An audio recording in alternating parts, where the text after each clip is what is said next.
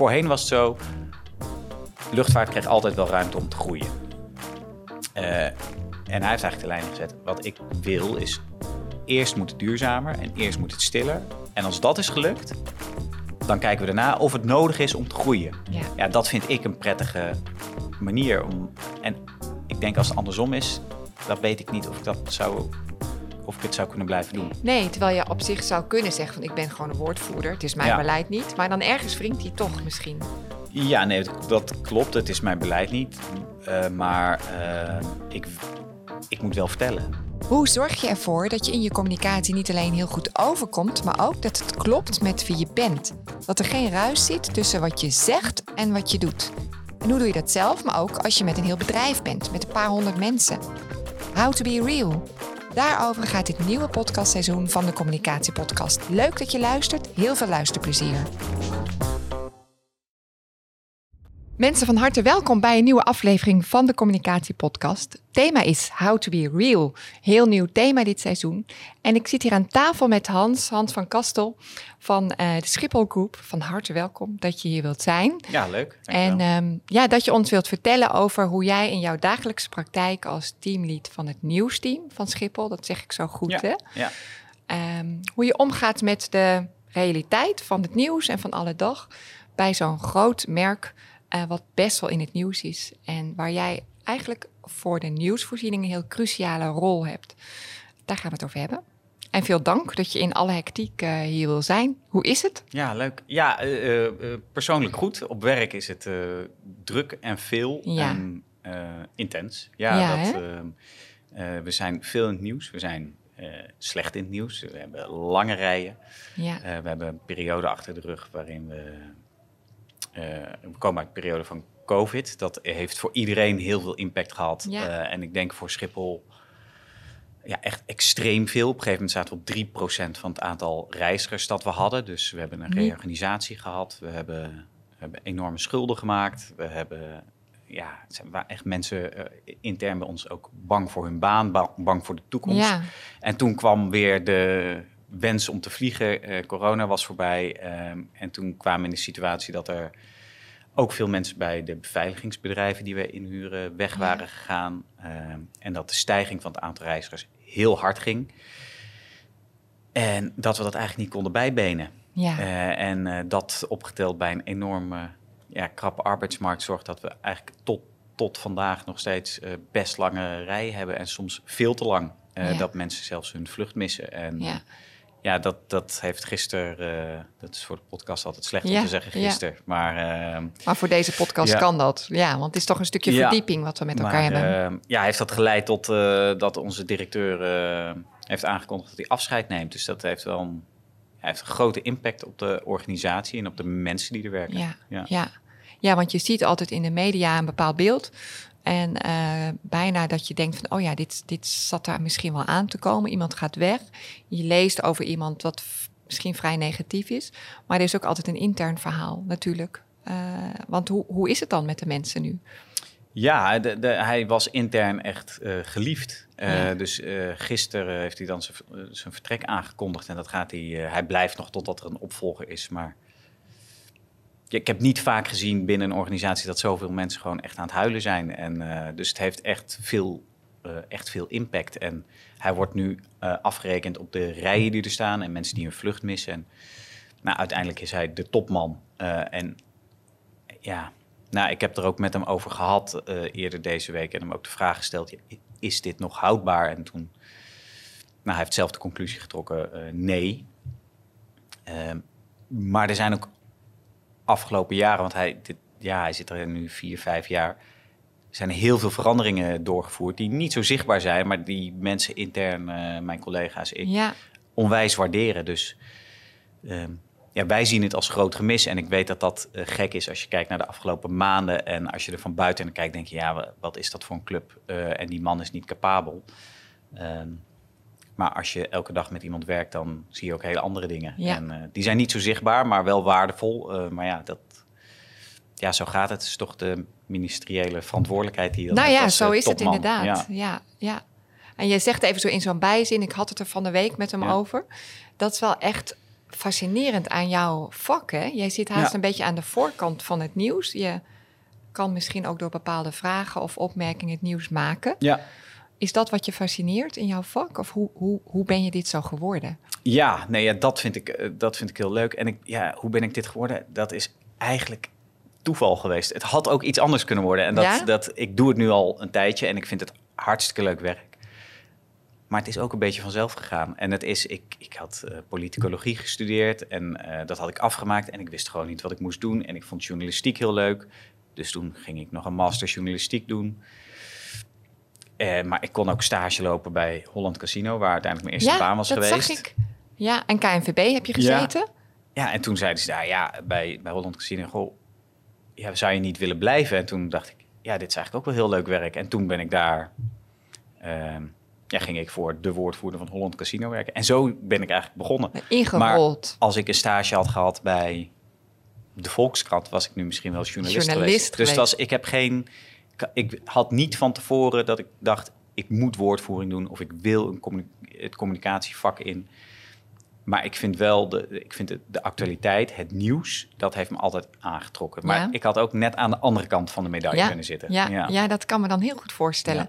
En dan, is, dan gaat het zo. En dan zijn er kansen Ja. en die pak je. En dan zit je nu dus bij, Ja. eh, bij Schiphol. Maar ik kan me voorstellen, daar heb je vast bewust voor gesolliciteerd. Wat, eh, wat verwachtte je? ik vind het wel fijn als het een beetje schuurt hier en daar. Want dat maakt het leuk Ja. al- voor het vak. Dat maakt het interessant. Eh, dus als het altijd, als je bij een organisatie zou werken waar en wat heel knuffelbaar is, of wat iedereen sowieso een warm hart toedraagt. Daar zie ik niet heel veel uitdaging in. En bij. Schiphol dacht ik, ja, dit is wel een plek. Het is van grote economische waarde. Het is van grote maatschappelijke waarde. Maar er zit ook best een grote keerzijde aan. Er zijn best veel mensen die hebben er last van. Gewoon qua geluid, de, dus de Ook? mensen in de omgeving. De uitstoot, dus de, eh, de milieuvervuiling. En juist dat spanningsveld tussen, ja, het, het levert enerzijds heel veel op voor Nederland. Maar het kost ook wel wat. Ja, dat, dat vind ik interessant. En ik ben daarnaast heel erg geïnteresseerd in politiek. Schiphol is voor een groot deel van de staat. Elke politieke partij heeft een woordvoerder luchtvaart. Dus het is. ehm, ja, het leek me gewoon, de dynamiek leek me heel leuk. En dat is het ook. Ja. Nou, dat blijkt. Die is er in ieder geval. Ja, ja. Hey, en je hebt dan die, eh, die, die loopbaan gehad via eh, Holland Casino, KNVB, nu Ja. Schiphol. Zijn er ook dingen geweest waarvan je denkt, oh ja, dat was echt zo'n les. Dit, en je leert het vak, kan ik me zo voorstellen, ook echt in de praktijk. Maar Ja. ook bepaalde, misschien een soort van mijlpalen. Dat je denkt, oh ja, maar dat was echt gewoon voor mij een hele belangrijke les. Ja, eh, toen ik kwam bij de KNVB, dat was in de periode, ik denk dat, dat veel mensen zich dat nog wel kunnen herinneren, vlak nadat die grensrechter was doodgeschopt. Je had in het amateurvoetbal had je een grensrechter en die was aangevallen op het voetbalveld door een paar jongens en die was dusdanig mishandeld dat hij uiteindelijk was Ja. overleden. En dat was, ik begon een paar maanden later. Ehm, samen met eh, een collega die eigenlijk tegelijkertijd begon, ook woordvoerder. Ja, dat was wel ik, ik kan me niet. Eh, inmiddels is het anders, omdat bij Schiphol ook heel vaak de telefoon gaat. Maar ik heb in die periode, ik heb nog nooit zo vaak media aan de lijn gehad. Dus het was elke week was het. En het gebeurt denk ik nog steeds op voetbalveld. Er is altijd wel ergens een vechtpartij, Ja. altijd wel ergens. Elke week was het raak. Elk, elke klap was nieuws. Eh, heel logisch, maar de- dus dat was. het KNVB is wel een soort snelkookpan voor woordvoerders als je ehm, als je het vak wil leren, omdat het, het is- voetbal is elke dag in het nieuws. Ja. Ehm, en nou, specifiek die periode was, was heel leerzaam. Gewoon de, de druk van alle dag om met die media om te gaan. Nou, dat was ik bij Holland Casino niet gewend. Daar probeerden wij in het nieuws te komen. ja, Daar wat een verschil. we, eh, met PR-onderzoekjes in het nieuws komen. En af en toe gebeurde er eens wat, maar dat was niet, niet zo vaak. En bij de KNVB was elke week iets. Eh, dus dat vond ik heel leerzaam. En ik, wat ik daar ook heb gemerkt is, en dat was, dat had ik eerder had ik dat niet zo door, maar het is, je bent niet altijd vijanden van elkaar met media. En dat is, dat, zo heb ik dat nooit gevoeld. Niet altijd. Nee, eigenlijk nooit. Dus dat is. ehm, maar het wordt soms wel zo gezien. Dus, eh, eh, en ik, we hadden bij de KNVB op een gegeven moment de eerste matchfixingzaak in Nederland. Was eh, eh, een speler van Willem II was gewoon bewezen dat hij de boel had geflasht. Ehm, en de Volkskrant was daarachter gekomen. En ik kwam toen eigenlijk ook achter, jij kan ook eigenlijk gewoon, als je maar eerlijk bent naar journalisten en zij zijn het naar jou, dus dat, dan kan je samen ook best ver komen. En je gaat niet samenwerken, want dat is niet wat je doet. Nee. Maar het verhaal wordt voor beide partijen beter als je open en eerlijk naar elkaar bent. Ja. Dus zij op een gegeven moment, eh, zij zeiden, nou we hebben een verhaal, dat willen we graag gaan brengen. Maar we willen heel graag dat de KNVB daar goed op kan reageren. Dus ik eh, ben toen naar eh, hen toegegaan, dus was bij hen op de redactie. Toen hebben ze verteld wat ze allemaal hadden. Daarmee ben ik teruggegaan naar, ik kreeg het uiteraard niet mee, maar daar ben ik teruggegaan naar de KNVB. En zei ik, jij, hier moeten we op reageren. En als zij niet zo open waren geweest, dan was de eerste reactie van de KNVB geweest. ehm, nou, we kennen, het, eh, we kennen het verhaal niet. We moeten het gaan onderzoeken. Ja. Punt. Dat en dan ben je, loop je geweest. erachteraan, hè? Dat, maar dat is voor hen ook niet bevredigend. Want zij hebben een heel groot verhaal en ze willen eigenlijk van alle relevante spelers een goede reactie. Dus ik kwam er daar eigenlijk achter als je gewoon. eh, ik kwam er veel meer achter. Ja, je moet echt ook een relatie opbouwen met journalisten. Dat je op, waarin je elkaar vertrouwt. Want dan kom je eigenlijk tot veel betere verhalen voor hen. Zij krijgen een veel completer krantartikel, veel completer nieuwsitem. En voor de organisatie, in dit geval was dat de KNVB waar ik voor werkte. Je komt er veel beter uit, want je krijgt meteen de kans om erop te reageren. Ja. Dus je zit meteen in de eerste nieuwscyclus, om maar zo te zeggen. En je, je eerste reactie is niet defensief van... nou, ehm, ja, bedankt Volkskrant, we hebben u gehoord... maar wij kennen de zaak niet, we gaan het eerst maar eens even onderzoeken. Ja. Dus echt dat open. Maar is het dan ook iets wat je dan daarna meer bent gaan doen misschien? Of Ja, veel er meer. Snel Dus naartoe. Ja, en, en gewoon ehm, echt contact hebben met journalisten. Niet Ja. alleen maar contact hebben op het moment dat er een vraag is. eh, maar ook gewoon... Ja, ook gewoon vragen, kan ik je nog eens ergens mee helpen? Of ik heb Ja. hier een eh, rapport waar je misschien wat aan hebt. D- Ja. Dat zijn niet allemaal dingen om meteen goed in het nieuws te komen, maar ook om Het hen te helpen. En Over en weer die Ja. relatie en elkaar de bal toespelen. ja, Zonder en dat zonder je- dat, het klef wordt of zonder dat het Ja. samenwerken wordt. Want dat, Dat kan natuurlijk niet. je wordt nooit vrienden. Dus het is. eh, en je hebt nooit. En dat hoeft ook niet. Maar je kan elkaar wel vertrouwen. En je kan wel tot op zekere hoogte samenwerken. Ja. Of afspraken maken, laat Ja. ik het zo zeggen. Ja, ja. ja, Heel interessant ook van, ehm, zeker als er, kan me voorstellen, als er een bepaalde crisissituatie is, dan hebben denk ik ook wel veel mensen de neiging om te denken, oh, we gaan even, want als, het er, als we niks zeggen, is het er niet, maar Ja. het is er natuurlijk wel, dus dan Ja. kan je beter naar voren eh, gaan. Ja. ja.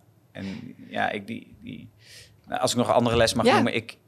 eh, ik ben groot fan van live televisie en live radio.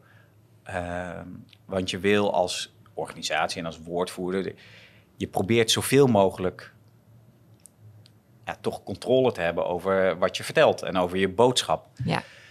En ehm, gek genoeg, en dat klinkt tegenstrijdig, of heel veel mensen vinden dat tegenstrijdig, heb je dat met live televisie of live radio meer dan niet. Het is iets enger, je moet er iets meer lef voor hebben, want je komt in een studio te zitten en je hebt lampen op je. En ehm, ja, ik hoef het zelf niet te doen, maar een van onze directeuren Mhm. zit tegenover, ik zeg maar, Marielle Tweebeke of eh, Jeroen Wollars. Dat is in zekere, in essentie toch iets spannender dan dat je op je kantoor afspreekt. Nou, of, lijkt mij eh, wel. Ik zou dat spannend terminals. vinden. Dat is het ook. Alleen omdat het live is, is in, wordt in ieder geval alles wat je zegt, wordt uitgezonden. Ja, er kan geen slag overheen door iemand er wordt gedaan niet worden. geknipt, er wordt niet... ehm, dus eigenlijk heb je meer controle. Je weet natuurlijk nooit wat die ander gaat vragen. Maar als jij eh, een directeur bent en eh, ik heb nu heel lang eh, mogen werken met Dick Benschop, directeur van Schiphol. Die heeft enorme dossierkennis. Die weet waar hij het over heeft. Die weet eigenlijk altijd meer dan de journalist. Tenminste, ja, dat zou gek zijn als het niet zo is. Bijna elke vraag heb je wel antwoord op. En als je het niet hebt, kan je het ook zeggen. Dus ik, ik ben eigenlijk best een groot fan geworden van live televisie en live radio. Omdat alles wat je zegt wordt uitgezonden. En Ja. dat heb je als je meedoet aan het NOS-journaal voor een item of RTL. Hoe, dat wordt ook natuurlijk met de, dat wordt niet gemaakt met het idee om jouw pootje te lichten. Maar er wordt altijd in geknipt. Ja, Er blijft altijd maar een halve minuut over. Eh, dus je kan daar nooit alles zeggen wat je wil. nee. En dat heb je met live televisie wel. Ja, ja inderdaad. Wel, dat is inderdaad wel heel, Ja. heel ehm, boeiend. En ik zit nu te denken, ehm, wij kijken natuurlijk nieuws. Iedereen kijkt nieuws. Jij ook. eh, luisteraars ook. En dan zit je soms te kijken naar of het nou live televisie is of eh, nou, bijvoorbeeld een talkshow. Ja. Er zit dan iemand. En dan denk ik wel eens, oeh, maar wat hij nu zegt, waar is dan die woordvoerder geweest? Heeft hij niet meegedacht of hoe kan iemand dat nou zo zeggen? Soms krijg ik zelfs wel DM's via LinkedIn van mensen zeggen van, hey, eh, wat vind jij hier nou van? Wat, jij bent communicatieprofessional. Hoe kan een communicatieprofessional dat laten gebeuren? Daar ben ik dan ook wel benieuwd naar. Van, ehm, iemand vertelt zijn verhaal, je hebt het misschien voorbereid en soms zal hij misschien ook wel compleet iets anders zeggen. Of hoe, hoe groot is je invloed op zo'n verhaal? En zit je ook wel eens met kromme tenen te kijken dat je denkt van help, dat hadden we anders voorbereid. Ja, Ehm, ja. Ja, dat is. eh, en ik denk degene met wie je daar naartoe gaat, eh, eh, of met wie je het hebt voorbereid, zal het zelf ook hebben. Eh, maar ja, ik vind ook, je bent, als je het voorbereidt, je bent een woordvoerder, je helpt een directeur waar vaak om haar of zijn verhaal te vertellen. Maar dat betekent niet dat jij bepaalt wat het verhaal is. Dat gebeurt soms ook, dat weet ik. Er zijn ook eh, helemaal doorgetrainde eh, directeuren die van A tot Z zeggen wat een woordvoerder opschrijft. Doorgetraind. Ja, maar ik vind dat niet gezond. Nee. Want het is, ik ben niet de directeur. Nee. Ik, ik bepaal niet het beleid van Schiphol. Nee. Eh, dus ik zou het gek vinden als ik ga bepalen wat een directeur zegt. Ja. Eh, wat we wel doen is helpen. Dus als ik, eh, nou laten we het voorbeeld nemen. Eh, we hebben helemaal het begin, of net na corona, hadden we enorm lange rijen. Eh, die begonnen toen. Er was veel kritiek op. En dat was een van de eerste keren dat het oppopte, was dat, op het moment dat eigenlijk de best nog een stevige lockdown was. Horeca was Ja. nog dicht, winkels waren nog dicht. En het beeld ontstond, maar Schiphol is nog open. En er waren veel mensen. eh, en waren veel overstappende reizigers hebben we ook. Dus eh, ja, de, de, de doken, het ging geen eens zozeer om de lange rijen die er stonden, maar er doken filmpjes op van, ja, er zijn wel honderden mensen op Schiphol. En dat was ook zo. ja. En Hoe kan de- dat? En de IKEA is dicht. En al, of IKEA was dan Ja. ook net nog open misschien. Maar in die tijd van... Ja, hoe kan het? Alles is dicht, maar... Maar, maar eh, daar, de- op die ja. plekken, ja. En ehm, geen, eh, er werd geen afstand gehouden en eh, mondkapjes werden niet altijd gedragen. En eh, toen, ja, de, de, druk werd hoog. Dus eh, op een gegeven moment zei de minister, dat was toen nog Cora van Nieuwhuis, die zei, dit kan zo niet, ik ga een gesprek met Schiphol. En eh, was, er ontstond commotie. En toen hadden we bedacht, ja, we moeten hierop reageren. En het liefst vanavond nog, want het, is, het neemt zulke proporties aan de discussie. En toen ehm, heb ik onze directeur gebeld en gezegd, ja, we, we moeten hierop reageren. En dan komen we terug bij het, het- de voorkeur voor live. Ja, ik zou het vanavond nog doen Ja. en het liefst live. Ja, dan zijn er nog maar een paar opties open. En het liefst één op één, want als je aan een tafel gaat zitten, bijvoorbeeld bij op één of bij Jinek of bij Bo, Ja, dan heb je weer die gasten en dan wordt het weer hebben we, gaan, hebben we de afgelopen periode ook vaak gedaan, maar dan bestaat de kans dat iemand er doorheen eh, gaat roepen, eh, waar je nog minder controle op hebt. Dus toen zijn we naar Nieuwsuur gegaan, het Nieuwsuur gebeld.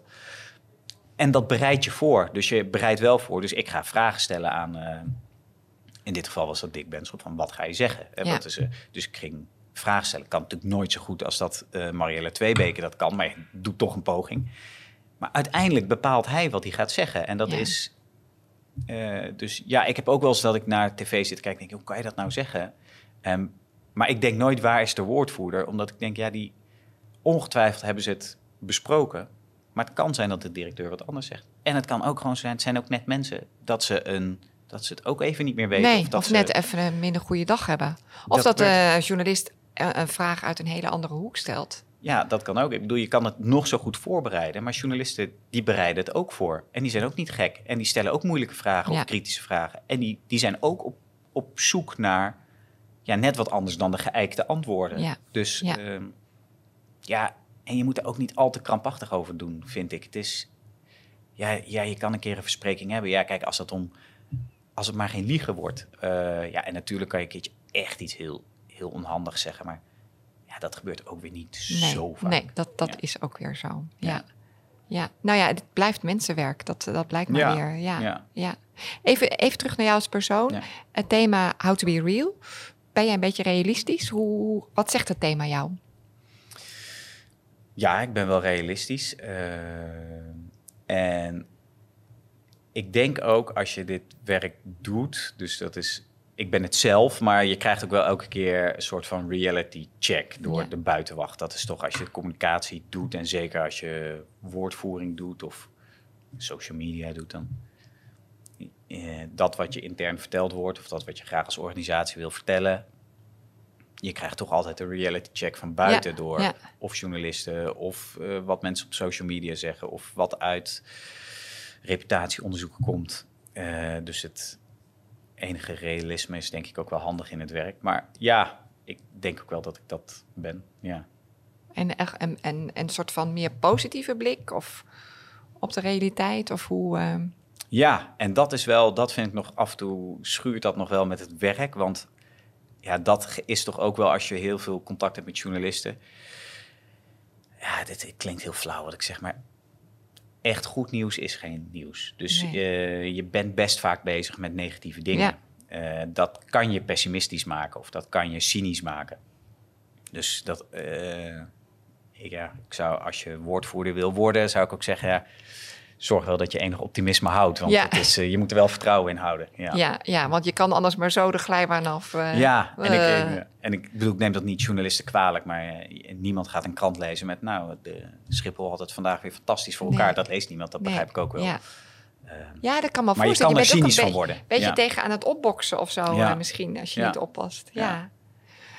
Um, inderdaad, je noemt al even die reality checks. Dat je dus een bepaald verhaal hebt en dan breng je iets naar buiten en dan bam, dan krijg je de realiteit in je gezicht van hé, hey, maar uh, hoe doen jullie dat nou? Wat zijn voor jou nou thema's, en je noemde ze al wel eventjes zo tussen de zinnen door, thema's in de context van Schiphol waarvan je zegt ja, daar zijn we nu echt gewoon heel erg mee bezig of dat komt steeds terug? Dat is duurzaamheid. Ja. Dat is denk ik de allerbelangrijkste ja. of de meest genoemde. Um, de hinder van vliegen. Er zijn best veel mensen in de omgeving van Schiphol die last hebben van uh, vliegen. Ja. Gewoon geluidsoverlast. Uh, ja, en wat, uh, en wat ook wel echt een thema is de laatste tijd, maar dat is ook omdat het een hele politieke discussie is. Ja, wat is nou de meerwaarde van, van Schiphol, van vliegen? En ik, ik ben inmiddels wel van overtuigd, die is echt groot. Maar ik ben er ook wel van overtuigd, en dat, dat zijn we bij Schiphol inmiddels uh, allemaal. Niet dat ik het heb ingebracht, hoor, maar het is. De balans was wel een beetje zoek. Dus ja. er is heel lang gedacht: hoe groter Schiphol, hoe beter dat voor Nederland is. Dat is wel gedraaid, dat beeld. Ja. Ook intern. Ook intern. En dat is uh, ja, zeker door de huidige directie, dus uh, door de, de directeur die eh, door Dick Benschop, die een paar mhm. jaar geleden is gekomen, die heeft die draai uh, nou, versterkt en misschien wel ingezet door te zeggen, ja, dit is, ja, vliegen is belangrijk, het verbindt Nederland, het is, dat is goed voor de economie. Nederland is een handelsland, uh, dus het is fijn dat we zo'n grote luchthaven hebben. Maar het moet wel veel meer in balans met de, wat, wat men in de omgeving nodig heeft, namelijk meer rust en wat de wereld nodig heeft, een beter klimaat. Ja, ja. En is dat dan ook iets wat je dan, waar je het met elkaar over hebt? Of hoe doe je dat in je team? Ja, daar heb je heel veel over. Dus dat, is, uh, dat zijn ook eigenlijk de, de, speerpunten van het beleid van Schiphol. Dat, is, uh, dat, dat zijn drie. Eigenlijk is wat ingezet is dat we alleen nog maar kijken naar uh, drie kwaliteiten. De kwaliteit van de dienstverlening. Dat klinkt nu wat gek nu ik dat zeg, omdat dat de laatste tijd uh, niet is wat het zou moeten zijn. Uh, kwaliteit van de leefomgeving. Uh, en de kwaliteit van het netwerk. en de kwaliteit van de leefomgeving. Dat is dus een van de drie pijlers van Schiphol. En daar besteden we ook op onze afdeling en in ons team heel veel aandacht aan. en we willen daar ook veel aandacht voor vragen. Dus los van dat wij er zijn om vragen te beantwoorden van journalisten ehm, willen wij ook heel graag zelf het verhaal vertellen over wat Schiphol doet om de luchtvaart te verduurzamen. En dat doen we richting media, dat doen we op social media, dat doen we via commerciële foto- en videoopname als die uh, gelegenheid zich voordoet. Dus dat, daar zijn we heel veel mee bezig. Ja, ja. ja, ja. ik zag één, uh, schiet me nu te binnen, uh, ik zag één berichtje voorbij komen net aan het begin van de zomer. Toen eh, was het super, dat, die hele, hele hete dagen waren dat. Ja. En toen was er een berichtje heel leuk eh, gepost eh, op de LinkedIn van Schiphol. Van, en dan zag je van die trekkers met, met Ja. sproeien. Ja, En dan, hè, en, en, en dan was het berichtje van, nou, de, de- de landingsbanen zijn super warm nu, maar gelukkig, en we kunnen met water sproeien. ja, En daar kwamen ook wel berichten op van, ja, maar ja, wie zorgt er nou eigenlijk voor die opwarming van de aarde? Dus je bent aan de ene kant als Schiphol, eh, ja, ehm, je, je post het wel leuk, maar moet je wel gaan vliegen? ja, Dat lijkt me nog wel lastig, want je hebt dus aan de ene kant die marketing waarvan je zegt van, nou ja, we moeten het toch naar buiten brengen. Aan de Ja. andere kant, ehm, het schuurt natuurlijk wel met, eh, met die duurzaamheid eh, die je wilt bevorderen. ja. En ehm, hoe, hoe werkt dat dan? Heb je dan daarna, zit je te evalueren met elkaar? Of Over zo'n post? ja, bij wijze van? Nee, nee, dat is. eh, eh, dat we willen ook gewoon heel graag laten zien wat we doen. En dit is een van de dingen die we doen. En duurzaamheid is heel belangrijk. Eh, maar veiligheid is voor vliegen, dat staat. Nou, je kan het vragen aan iemand die in de luchtvaart werkt. En veiligheid staat op nummer één.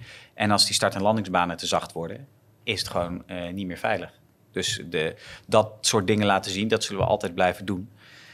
Eh, maar duurzaamheid vind ik wel een interessant thema. En het, wij vertellen graag over wat we doen om eh, te verduurzamen.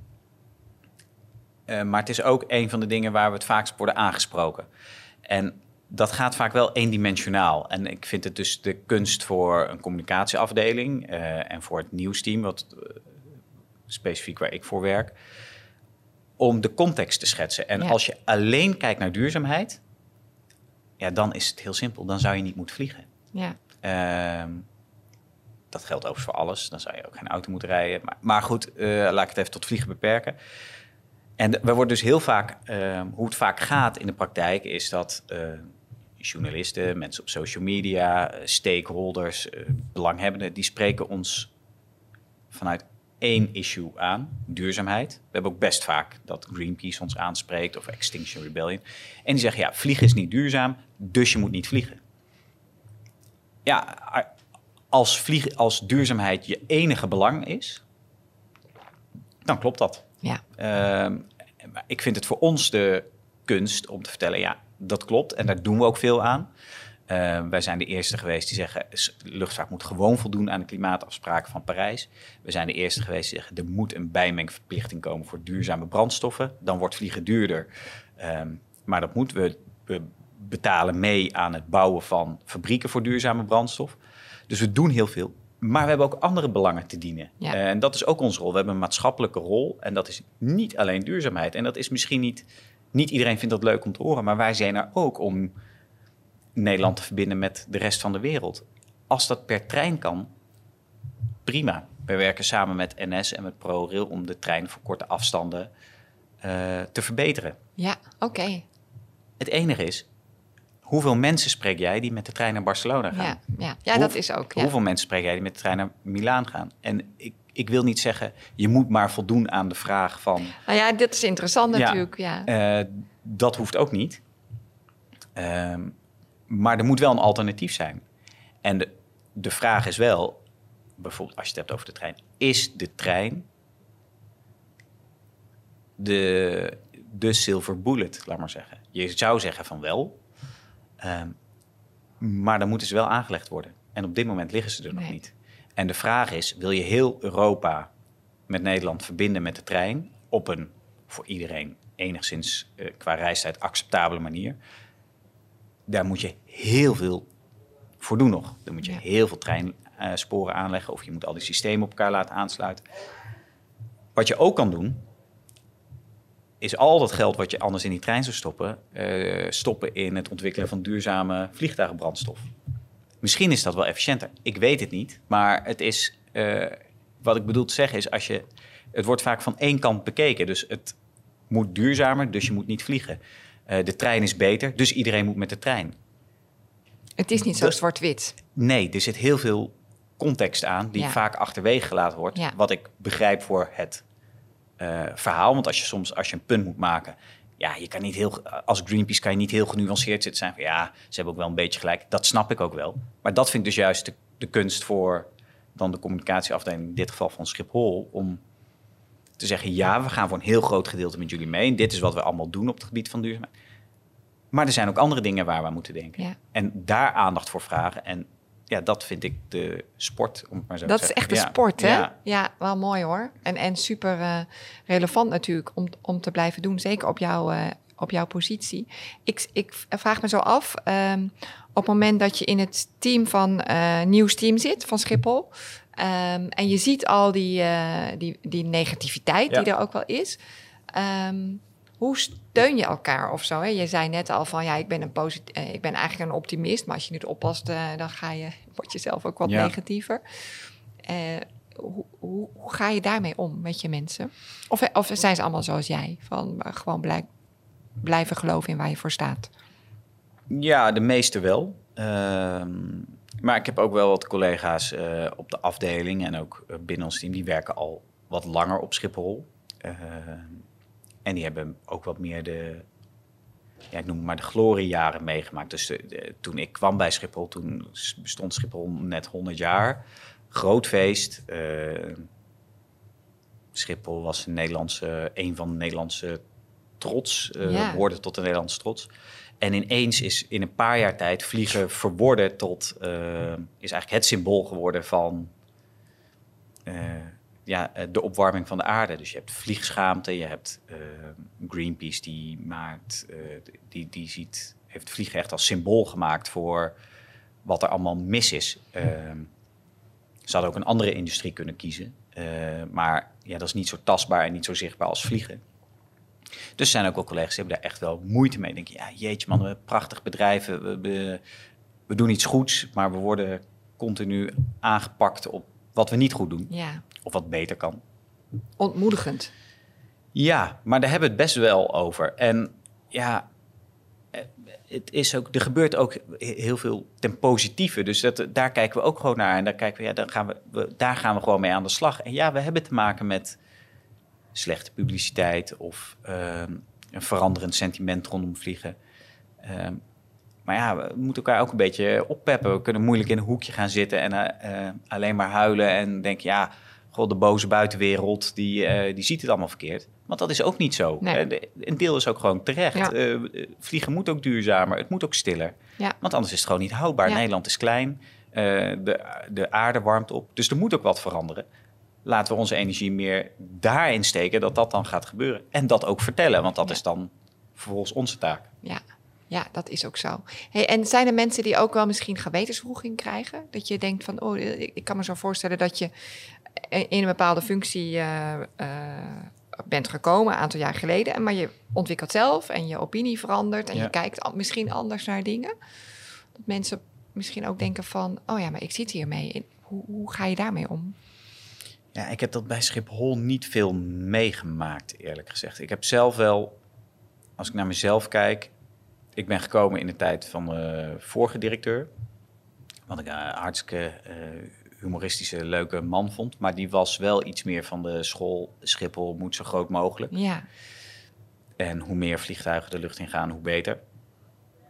Eh, ik heb één jaar gewerkt, dus het- je hebt ook in het begin een soort inwerkperiode. Dus ik had het in het begin niet door. Maar ik dacht wel na een tijdje, ja, als dit zo blijft, dan weet ik niet of ik dat zelf. of je dat kan er verantwoorden. sta. Ja, dat. Eh, dus ik was heel blij, eh, niet vanwege de persoon, maar wel vanwege het beleid, dat er een andere directeur kwam die eigenlijk vanaf het begin af aan zei: ja, dit, dit moeten we wel anders gaan doen, want dit is niet houdbaar en dit is niet wenselijk. Eh, en die koos veel meer de lijn van ja, luchtvaart is belangrijk. Mensen willen graag vliegen. Laten we kijken of we ervoor kunnen zorgen dat dat duurzamer kan Ja, en dat dat met minder overlast kan. En hij heeft eigenlijk de lijn ingezet. Voorheen was het zo, luchtvaart kreeg altijd wel ruimte om te groeien. Eh, en hij heeft eigenlijk de lijn ingezet. Wat ik wil is, eerst moet het duurzamer en eerst moet het stiller. En als dat is gelukt, dan kijken we daarna of het nodig is om te groeien. ja. Ja, dat vind ik een prettige manier om. En ik denk als het andersom is, dan weet ik niet of ik dat zou, of ik het zou kunnen blijven doen. Nee, terwijl je op zich zou kunnen zeggen van ik ben gewoon een woordvoerder. Het is mijn Ja. beleid niet. Maar dan ergens wringt hij toch misschien. Ja, nee, dat- dat klopt. Het is mijn beleid niet. Eh, maar eh, ik, ik moet wel vertellen. Ja, Eh, en ik wil dat ook overtuigend kunnen vertellen. En er zijn altijd dingen bij. Je, je bent altijd wel eens iets aan het vertellen van je denkt, nou, ja, ik weet niet of ik dit heel fijn vind, maar dit is zo'n cruciaal punt. Want het gaat ook over je eigen toekomstbeeld of over je eigen waarden. Ehm, ja, ja je, dus ik, ik zit er niet in dat ik denk, ja, ik ben maar woordvoerder en ik vertel maar het beleid. Ik zou ook niet voor de tabaksindustrie willen werken. Nee. Ehm, ja, anderen wel. Eh, andere woordvoerders denken, ja, nou ja, goed, ja, dat is gewoon mijn werk. Hè. Ik vertel gewoon wat het bedrijf wil of hoe het bedrijf voorstaat. En dat, dat zie ik totaal los van mijn eigen persoon. Ja, dat heb ik niet. Nee. Ik kan het wel een beetje scheiden, maar in grote lijnen vind ik het wel fijn als ik achter het beleid sta. Ja. ja. Ja, ook vanwege dat, dat je het met overtuiging wilt kunnen vertellen. ja. Ja.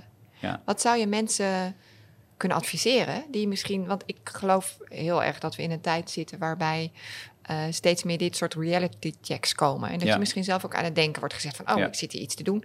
Vorig jaar vond ik dit nog prima en Ja. nu denk ik, help, wat vind ik hier zelf van? Ja. Hoe, hoe moet je daar nou mee omgaan als communicatieprofessional? Van, eh, Nou ja, ik, ik zou eerst eens eh, kijken met ja, collega's op de afdeling. Hebben jullie het ook? Ja, en dan met de, de relevante...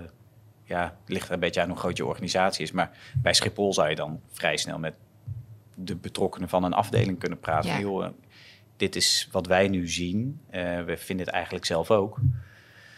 Eh, is er ruimte om het misschien anders te doen? Of is het iets om over na te denken? Ja, dan, dan kom je vanzelf op het punt dat er een directeur er iets van moet vinden... en dat je een sessie organiseert of een bijeenkomst of een... Nou ja, maar wel echt bespreekbaar. Peilen bij je collega's ja en gewoon bespreekbaar maken. Ja. Ja, dat is wel tof. ik ja. zou dat wel doen. Ja, en als je, ik, ik denk wel dat je eerlijk tegen je, over jezelf moet zijn... als je echt de enige bent, Ja. dan Ja. zit je waarschijnlijk niet op de goede Zit plek. je niet op de Nee. goede plek. Echt je knopen gaan tellen. Ja, Ik ga naar een vraag die we hebben gekregen van eh, een van de luisteraars. Die zich ook verdiept heeft nogal in het, eh, in het thema waar wij voor bij elkaar zitten. Ik zet hem even aan. ja. Hoi Carine en Hans. Leuk om een vraag in te mogen spreken in deze mooie podcast. Ik ben Gersman Smit, bestuurskundige en enorm betrokken bij het vraagstuk hoe we tot duurzamer gedrag met elkaar komen. Vorige maand analyseerde ik in de Volkskrant dat veel organisaties de consument gebruiken als alibi om door te gaan met wat ze moeten doen. De klant wil het nou eenmaal zo. Ik vind juist dat bedrijven veel meer initiatief moeten nemen in het doorbreken van consumptiepatronen. Hoe zit dat bij Schiphol? De klimaatimpact van vliegen is enorm. Toch is de huidige website nog volledig gericht op het faciliteren van de vliegbehoefte. Wil je ergens heen? Wij regelen het. Ergens staat wel iets over het verduurzamen van vliegverkeer en natuurlijk kunnen klanten voor een prikkie hun CO2 compenseren en de vliegschaamte afkopen. Maar klanten worden niet aan het denken gezet over de klimaatimpact, de noodzaak van hun reis en de alternatieven, zoals trein of een bestemming dichter bij huis. Nou snap ik dat Hans niet over de maatschappelijke koers van Schiphol kan beslissen, maar stel dat Schiphol haar klanten meer aan het denken zou willen zetten. Hoe geef je dan effectief uiting aan zo'n vliegbewust boodschap?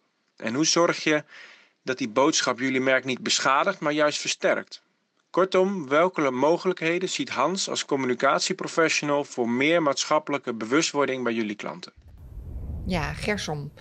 En inderdaad, waar we het net eigenlijk een beetje over hadden. Hè? Ja. Van hoe ga je er nou mee om? En, en wat, eh, hoe lang durf je de stap naar voren te zetten? Eh, misschien anders aan te pakken. Ja.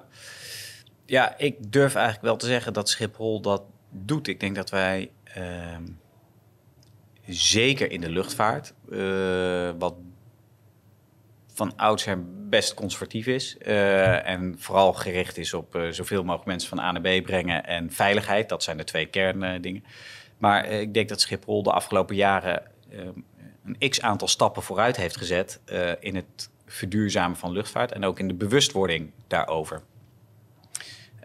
Ik, ik hoor Gerson zeggen dat op onze website staat: wij brengen je ergens heen. Het is niet helemaal waar, want wij, eh, onze klanten zijn geen reizigers. Dat, is, eh, dat zijn luchtvaartmaatschappijen. Ja, dus die-. Wij hebben ook geen compensatieprogramma, eh, want je koopt bij ons geen ticket. Maar wat wij wel kunnen doen, is onze invloed aanwenden om de luchtvaart te verduurzamen. En eerder in het gesprek noemde ik een paar voorbeelden die echt uniek zijn geweest. En voor de critici te weinig, maar voor, de, voor mensen in de luchtvaart misschien soms wel iets te veel. Wij hebben bijvoorbeeld als Schiphol gepleit voor een bijmengverplichting van duurzame brandstof. Er wordt kerosine gebruikt. Dat verbrand je gewoon, net als benzine of diesel. En duurzame brandstof wordt uh, bijvoorbeeld gemaakt van resten van planten. Uh, of uh, je hebt zelfs synthetische brandstof. Dat wordt van CO2 gemaakt en water. Wij hebben gezegd tegen de Nederlandse overheid, hebben gewoon actief voor gelobbyd.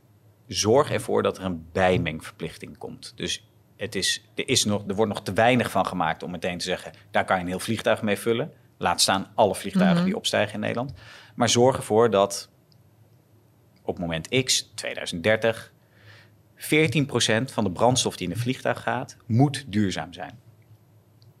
Ik ken weinig bedrijven die voor hun eigen tak van sport, in ons geval vliegen, zeggen: maak ons maar duurder. Want dat is wat er effectief gebeurt. Wij zeggen: zorg voor duurzame brandstof. Die duurzame brandstof is drie tot zes keer duurder.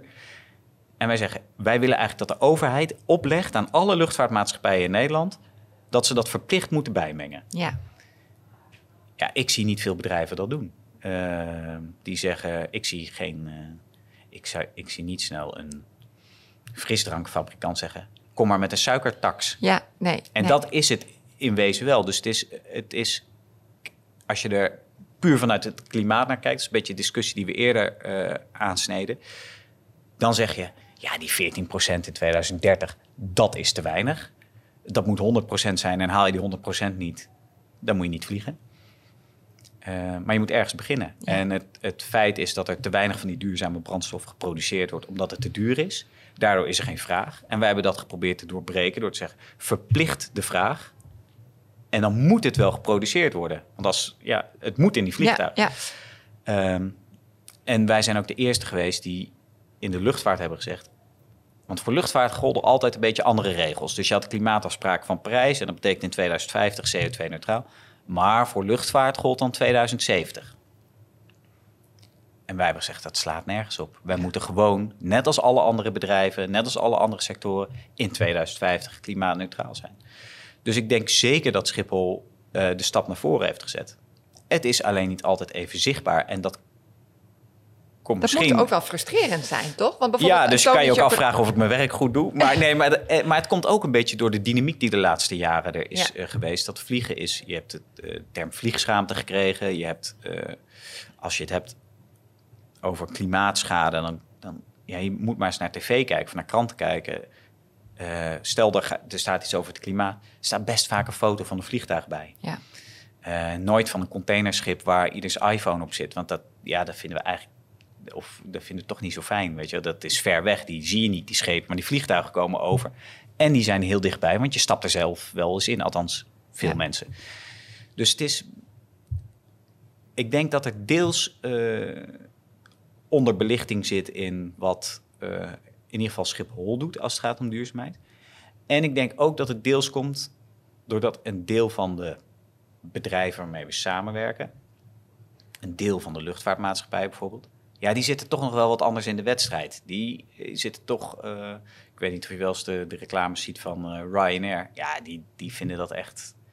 Die gaan het precies Die tegenovergestelde. vinden ook wat wij doen. Die denken, ja, wat, wat, wat, waar ben je nou mee bezig, weet je wel? Uh, het moet gewoon lekker goedkoop en zoveel mogelijk. Dus maar dat is tegelijkertijd ook wel weer een hele mooie rol die je kan hebben als Schiphol. Als een soort van, als dat lukt, dat je een soort Ja. van opinieleider kan worden van, eh, of gids van kijken in de luchtvaart moet die kant op. Ja. Want zo schets je het nu een beetje, eigenlijk meer een soort voorloper zijn in die hele scene.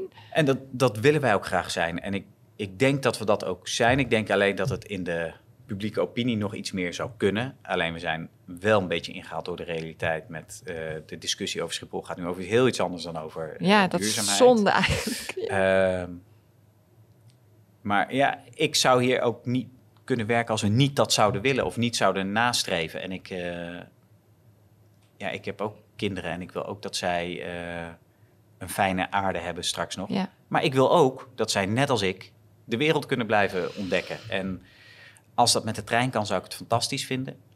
Alleen de realiteit is dat het nog niet echt kan.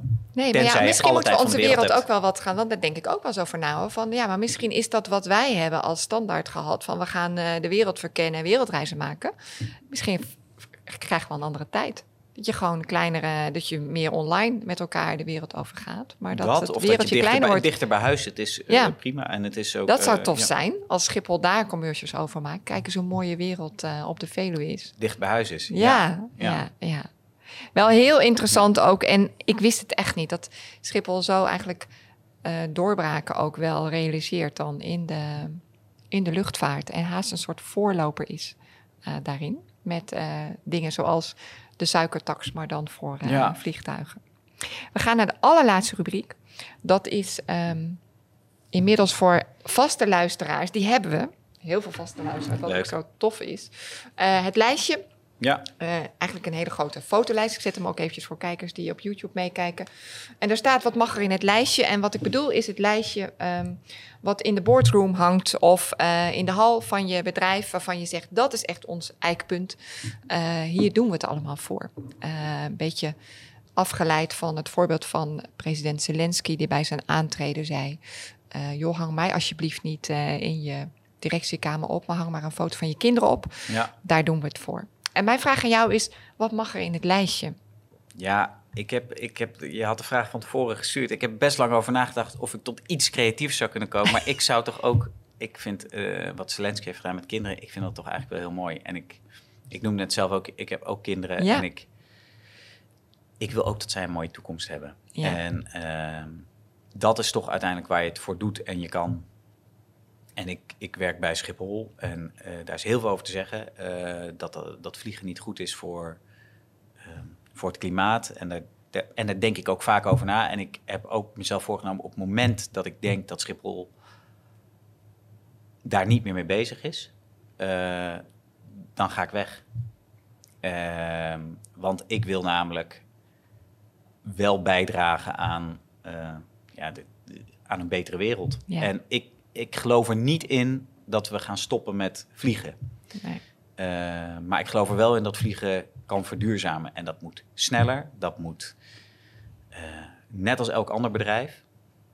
Maar dat zou ik mooi vinden om toch in het lijstje te Ja, doen. Want dat je is kinderen. Toch waar het, ja, dat is toch waar je het uiteindelijk voor... eh, ja, niet waar je het uiteindelijk voor doet, maar dat is toch het toekomstbeeld. En ik zou het vreselijk vinden als zij straks in een wereld opgroeien... waar je eh, eh, alleen maar onder je parasol moet zitten omdat het te heet is. Ja, Dus, daar eh, moeten we niet aan denken. nee.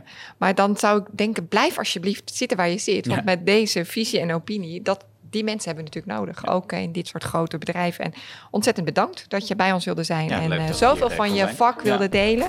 Heel veel succes met, eh, nou ja, weer de waan van alle dag. Waar je denk ik zo weer instapt.